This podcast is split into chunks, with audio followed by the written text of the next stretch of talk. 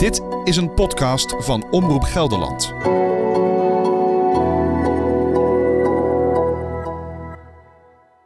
De Wildeborg is een van de acht beroemde kastelen rond het Achterhoekse dorp Vorden.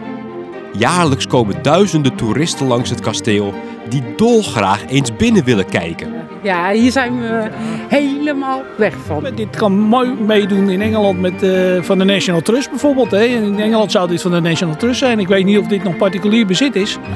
Ja. Helaas voor de toeristen is de Wildeborg niet opengesteld voor publiek.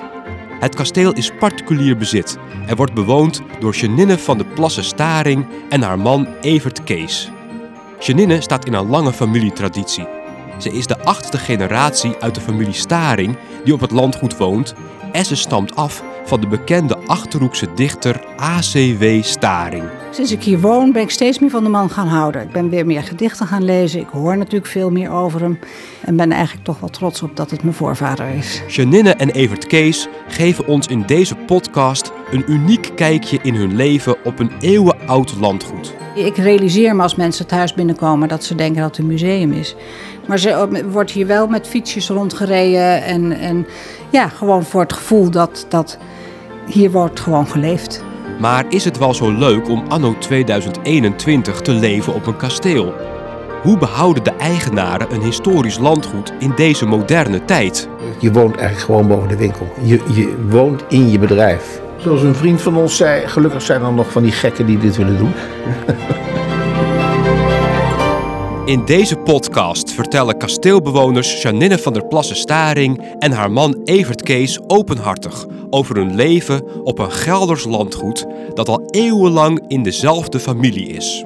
Hoewel ik heb gezien hoe mijn ouders hier woonden en wat dat voor hun betekende, uh, hebben wij ons niet voor 100% kunnen realiseren welke beslissing we eigenlijk namen. Het heeft een behoorlijke invloed op je leven. Uh, ik realiseer me ook, en dat, dat vind ik wel eens moeilijk, dat ik daar dus ook mijn kinderen mee op heb gezadeld. Die dat niet zo voelen, geloof ik. Maar ik voel dat wel. Dit is de podcast Een Gelders Landgoed. Ga mee op reis door 700 jaar Achterhoekse geschiedenis. Vandaag deel 1. Een roofridderburgt in het moeras.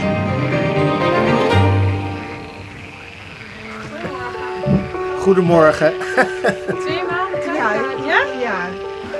Heeft u een pinpas bij? Ik heb een pinpas bij me. Kunt u hem hierboven houden? Zo? Ja. Ja.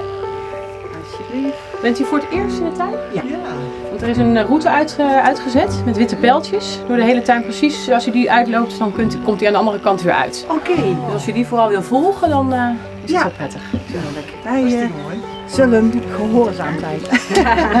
De ingang is rechts. En geniet vooral ook ja. van de mooie Dat gaan we doen. Dankjewel.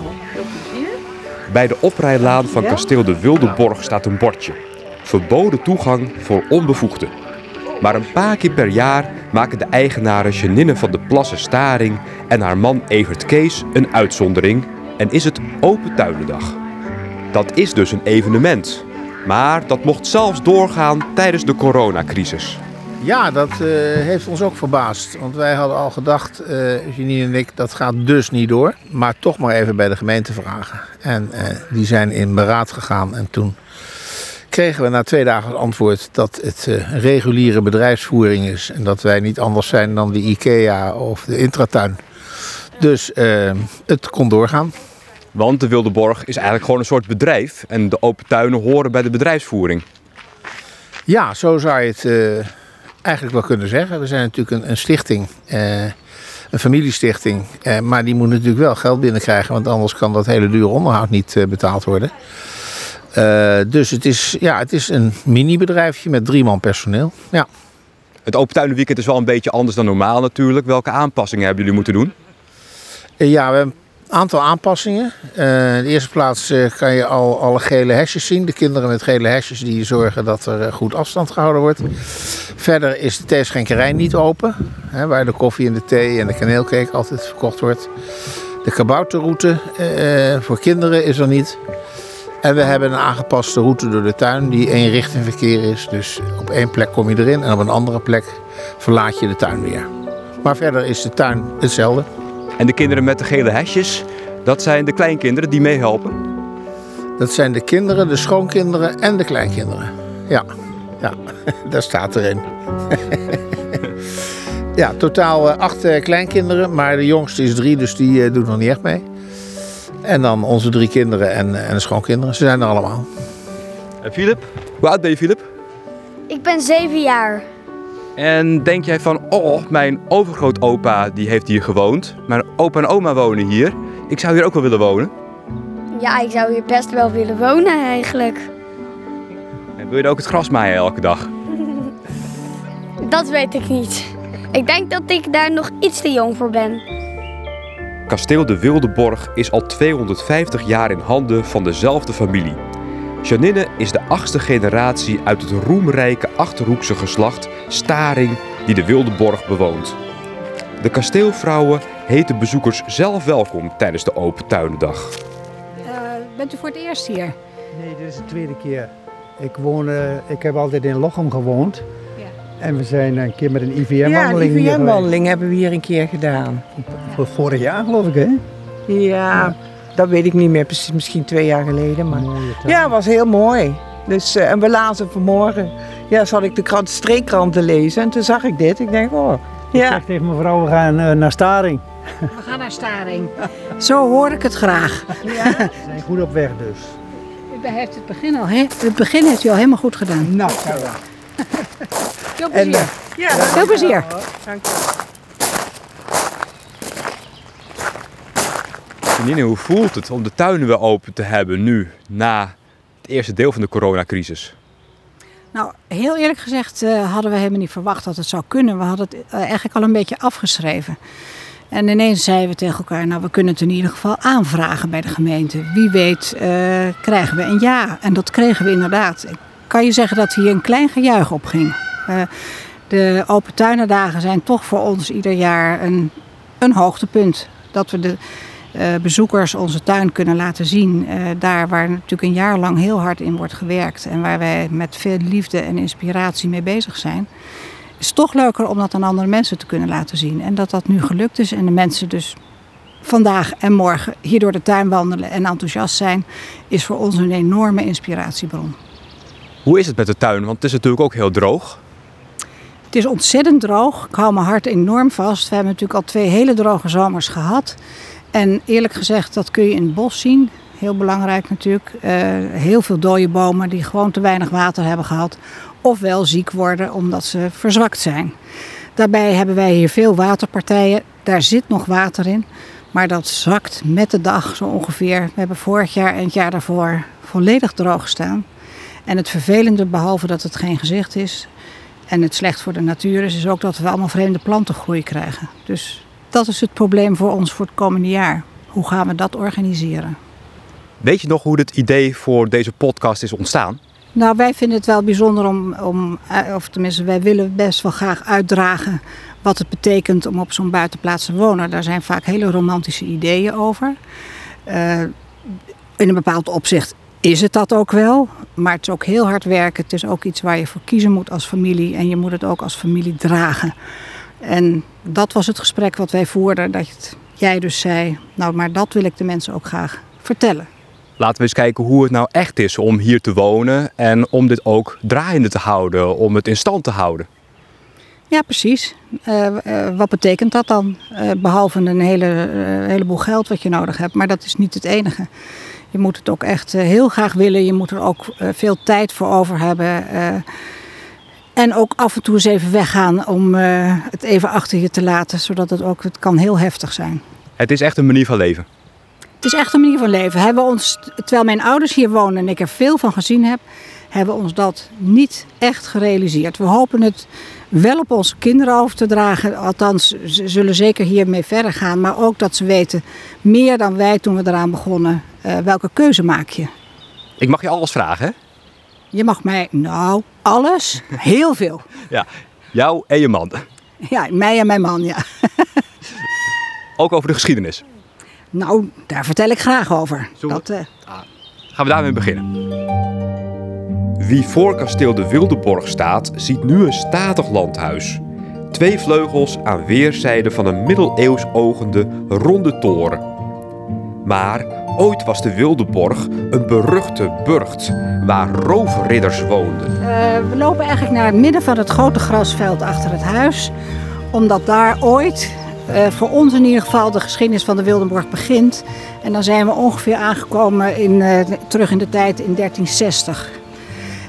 toen stond hier, dus achter de huidige Wildenborg, de middeleeuwse burcht Wildenborg. En dat was een burcht in het wildernis.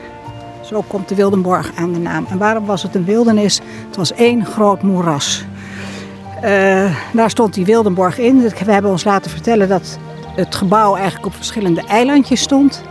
Die met bruggetjes en uh, dergelijke waren verbonden. Het was een onneembaar slot, omdat het zo midden in het moeras lag. Uh, wie woonde daar? Het was nog geen familie van ons. Daar woonden de ridders van Wis.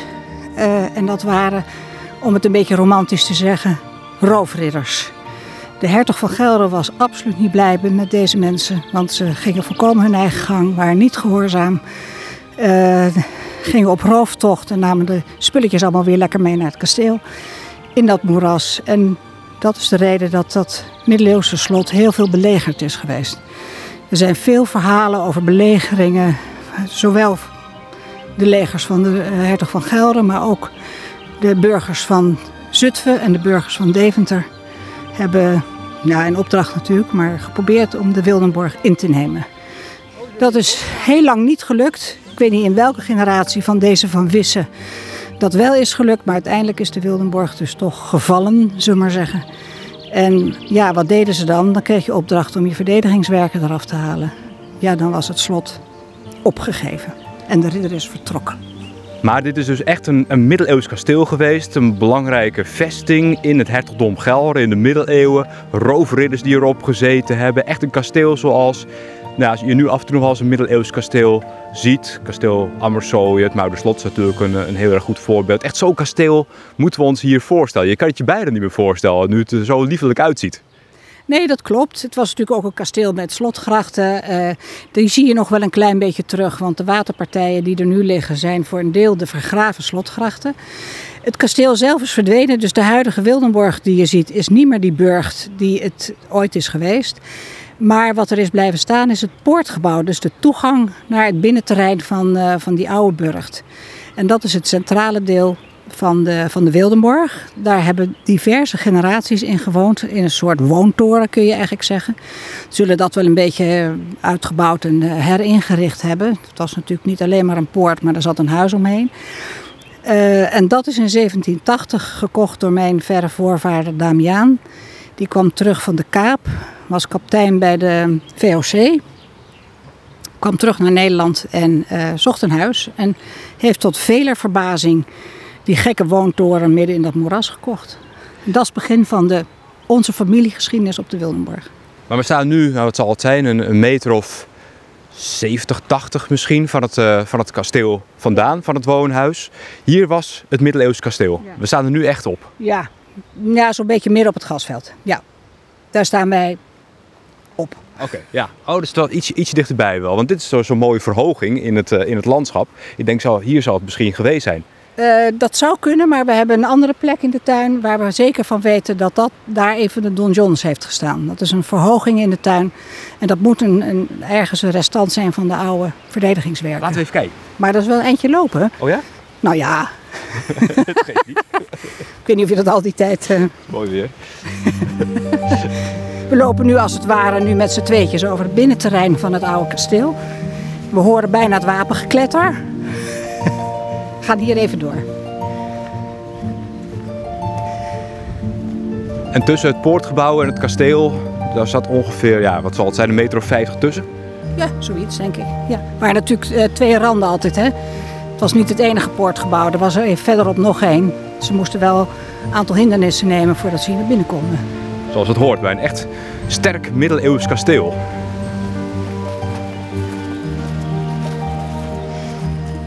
Hier lopen we eigenlijk een beetje een wat hoger stuk van de tuin op. Ja, we gaan een beetje de bosjes in. Een beetje de bosjes in en het is hier allemaal wat hoger. Dus hier wordt van gezegd dat het eigenlijk een beetje de oude verdedigingswal moet hebben gelegen. En de gracht die hier nog loopt, dat is ook echt de oude slotgracht? Ja, dat is een stuk van de oude slotgracht, ja. En hier ligt een eiland. Dat betekent dat hier achter nog water ligt. En dat is echt dat is de oude slotgracht zoals hij was.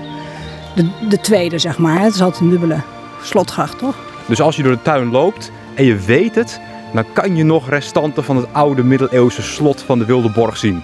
Met een beetje fantasie, ja, zie je hier de ridders rondlopen. En kan je bedenken hoe het kasteel ongeveer was geweest, ja. Ik zie het nog wel hoor, zo'n kasteel in het moeras. Het is ook een beetje, ja de slotgracht is al behoorlijk droog, dat kan je wel zien. Hè? De, de gracht, er staat niet zo heel veel water in. Dus ik kan me het wel voorstellen, zo'n kasteel in een moerassig gebied. Ja, prachtig. Ja, en het was natuurlijk heel veilig voor die ridders. Die, eh, die, die kenden de weg door het moeras. Ik heb me laten vertellen, ja, er zijn heel veel verhalen geschreven over de gevechten die hier geleverd zijn. Ze gingen natuurlijk om het kasteel liggen. Hè, niemand kan erin, niemand kan eruit. Vooral ook dat uiteindelijk die soldaten ziek werden. Die kregen gewoon malaria. Er heerste malaria op de Wildeborg. Oh ja, muggen, moeras, muggen. Dan weet je het. Dus dan uh, gaven ze het op. Het is toch prachtig dat je op zulke historische grond woont? Ja, ja, op, op, op vele manieren historisch. Hè? Heel, heel ver in de historie terug naar de middeleeuwen. En dan de latere historie waar onze familie dan weer een rol in gaat spelen.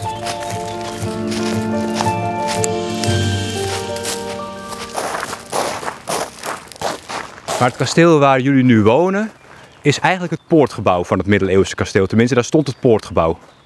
Het centrale deel van de Wildenborg is, het, is, uh, is de basis eigenlijk van de rest. En dat uh, is gebaseerd op het oude poortgebouw van het kasteel wat erachter lag. Dat wil dus niet zeggen dat je dat aan de buitenkant ziet, maar wel aan de binnenkant. Daar zijn herkenningspunten waardoor je weet dat het uit die tijd stamt. Voordat we naar binnen gaan in het kasteel, moeten we eerst nog weten hoe de familie Staring nou op deze plek in de Achterhoekse moerassen terecht is gekomen. Wat trof die verre voorvader van Janine aan in 1780? Nou, hij trof een verwaarloosde woontoren midden in een moeras. Wat ik, uh, ik heb het geloof ik net al gezegd, hij werd voor gek verklaard dat hij dat kocht. En nou zijn de staringen redelijk eigenwijs. Dus hij heeft het toch gedaan. En wij zijn hem daar dankbaar voor, want het is het begin van onze geschiedenis met de Wildenborg. Hij kwam terug van de Kaap, Kaap de Goede Hoop. Hij was kapitein bij de VOC en hij was equipagemeester op de Kaap. Dus hij uh, zorgde ervoor dat alle schepen die langskwamen op weg naar de oosten en weer op de terugweg, nou, die werden daar hersteld. Zieken werden, konden daar genezen. Ze gingen opnieuw forage inslaan. En uh, dan konden ze weer verder varen. Na een aantal jaren is hij teruggekomen en is op de Wildenborg gaan wonen. En wanneer zijn die zijvleugels er dan tegen aangezet? Nou, dat was zijn idee. Hij is meteen begonnen, die woontoren, nou ja, oké, maar dat was natuurlijk veel te klein. Dus hij heeft bedacht om die zijvleugels aan te bouwen. Hij heeft het niet meer afgezien, want hij is vrij snel na thuiskomst is hij, of terugkomst is hij overleden. Maar zijn weduwe heeft dat uh, samen met zijn zoon verder afgemaakt. En uh, nou ja, bij de vererving trof de zoon dus een woontoren met twee zijvleugels, maar nog steeds in het moeras. En de ronde toren is er dus pas later tegen aangezet? Ja, die ronde toren is rond 1850 in weer een volgende generatie er tegen aangezet. Waarschijnlijk om een beetje, ja dat was in die tijd, je ging ook een beetje met de mode mee. Zoals je in de tuin met de mode mee ging, ging je ook met het huis met de mode mee. En we hebben wel begrepen uit brieven die er bewaard zijn uit die tijd, dat het eigenlijk een idee was van zijn ooms.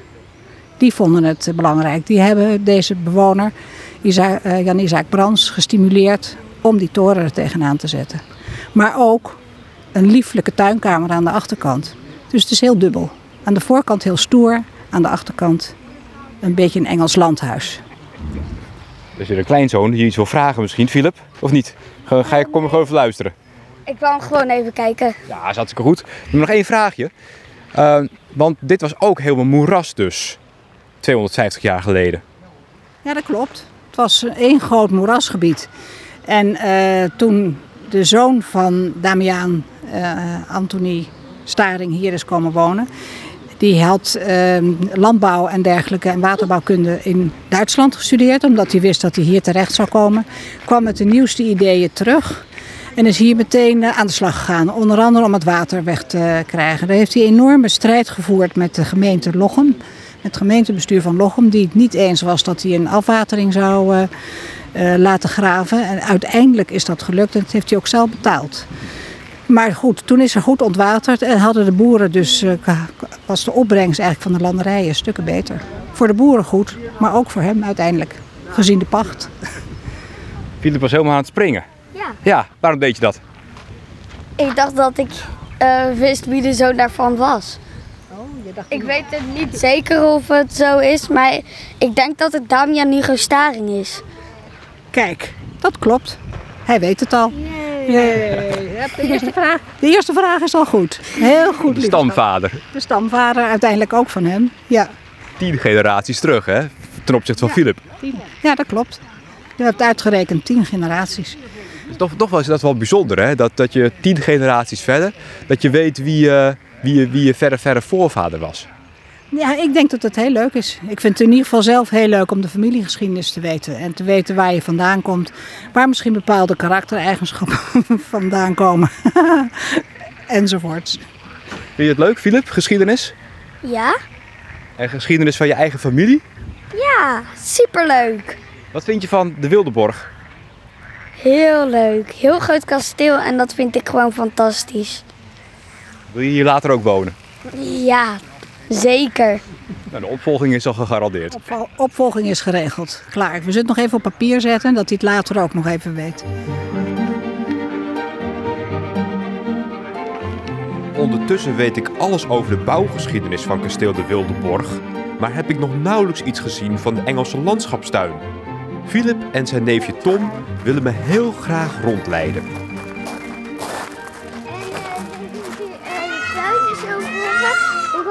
Ja, bij eh, deze schenkerij. Ja. Ik hoor je bijna niet, want de pauwen maken zoveel lawaai. Ja, hè? Ja, altijd schreeuwlelijk hè. Al- ook altijd als, eh, als we aan het voetballen zijn, is er een gom. Dan roepen we altijd heel hard ja, ja. En dan komen die pauwen. En ik roep. En, en wij roepen dan altijd, hoi Clippert. Even kijken, Philip weet ik. Jij bent zeven en Tom, hoe oud ben jij? Zeven. Zeven. Maar ik ben net iets ouder dan Filip. Oké, jullie zijn allebei zeven. Een paar maanden ouder. Ja, een paar Ja. maanden. En Philip, jij woont in Deventer. Ehm, nou, kijk. Waar woon jij? eh, ik woon in Overveen. Filip in eh, Deventer. ja, Deventer. Ja. En weten jullie ook iets van de geschiedenis van het kasteel? Ja. En van, de, van jullie familie die hier al zo lang woont? heb ik al verteld bij eh Janine. Eh, Ja, maar dat goed, ehm, maar die geschiedenis, Damian Hugo Staring is hier dus eh, komen wonen, maar hij heeft er helaas maar één jaar kunnen, van kunnen genieten en toen is hij dood gegaan door oudheid. Maar het bijzondere is dat Damian Hugo Staring eh, op de VOC heeft gezeten. Ik weet niet of jullie die schepen kennen, maar hij heeft op de VOC-schepen gewerkt. En eh, de pauwen, hè, die, kijk, als we aan het voetballen zijn, dan, kijk, dan lopen ze altijd door het veld. En, zo, en één keer heeft eh, Lucas, die schoot toen zo... onze neef. Ja, soms neef. Eh, die heeft bij, die, toen, toen schoot hij een bal. En die bij, gewoon de- op een pauw af. Die pauw die schrok zo erg. Dat die helemaal in de lucht vloog. Zo. Ehm, maar ik denk dat we even verder kunnen gaan. Ja, loop even verder. Ga maar, eh, ga maar voor me uit. En eh, daar is nog een pijl, dus dan moeten we zo meteen die kant. Ja. Naar links. Nu moeten we eh, zo meteen de bocht om. Dan gaan we zo in het bos. En Dan dan zit het standbeeld. Kijk, op dat bordje kan je zien hoe het heet. Het heet Daphne en Apollo. En eh, hoe voelt het nou om op zo'n plek te staan waar jullie hele verre voorvaderen ook al gewoond hebben? Ja, echt heel, eh, ja, best wel leuk. Omdat, eh, kijk, als je hier dan zo bent, heb je natuurlijk zo'n zwembad. En ja, dat is, dat is heel fijn. En als dit huis er niet was, als mijn oma hier niet woonde, dan eh, was er geen zwembad. Ja, en opa. Ehm, ja, ik vind het fijn, want als ik slaap, ik voel me soms een beetje bang in het donker. Dan voel ik me veilig, want dan denk ik altijd, Damian Hugo Staring is er. En die bes- beschermt me dan, want die weet hoe dat allemaal moet en zo. En zo'n grote tuin, daar kan je een leuk verstoppertje doen. Ook lekker voetballen, omdat ik daarop zit. Dat vind ik heel leuk. En op judo, daar zit ik ook op. Even tussen. Ja, ik ook. Ik zit ook op judo en ik zit op voetbal. Ik ga misschien nog op zwemles voor eh mijn C. Ja. Nou, we kunnen weer verder. Ik denk Moeten we eh, zo? deze kant op gaan. Dan komen we zo uit daar. En dan gaan we zo, en dan komen we daar nog uit. Gaan we weer zo. Gaan we naar daar zo, naar de overkant. En dan gaan we zo, en dan komen we helemaal uit. Ja, Dan, komen we, dan gaan we naar het zwembad en dan komen we natuurlijk uit bij de parkeerplaats. De volgende keer openen we deuren die voor anderen gesloten blijven. Dan krijg ik bij hoge uitzondering toegang tot kasteel de Wildeborg. Blijft toch iedere keer wel als bijzonder gevoel dat ik er binnen mag. Ja, vind je dat? Ja. Ja. Ja, ik doe het natuurlijk heel wat keren per dag. Dus eh, dat is er bij mij een beetje af. Alhoewel ik nog eh, heel vaak als ik hier binnenkom denk... en eh, hier in die hal sta, sta, vind ik het toch nog wel weer speciaal. Ik weet niet waarom, maar... eh, ehm, het voelt wel als mijn huis, maar ook wel als een bijzonder huis eigenlijk. Wat zou er binnen allemaal te zien zijn? Ik vertel het de volgende keer in deze podcast Een Gelders Landgoed.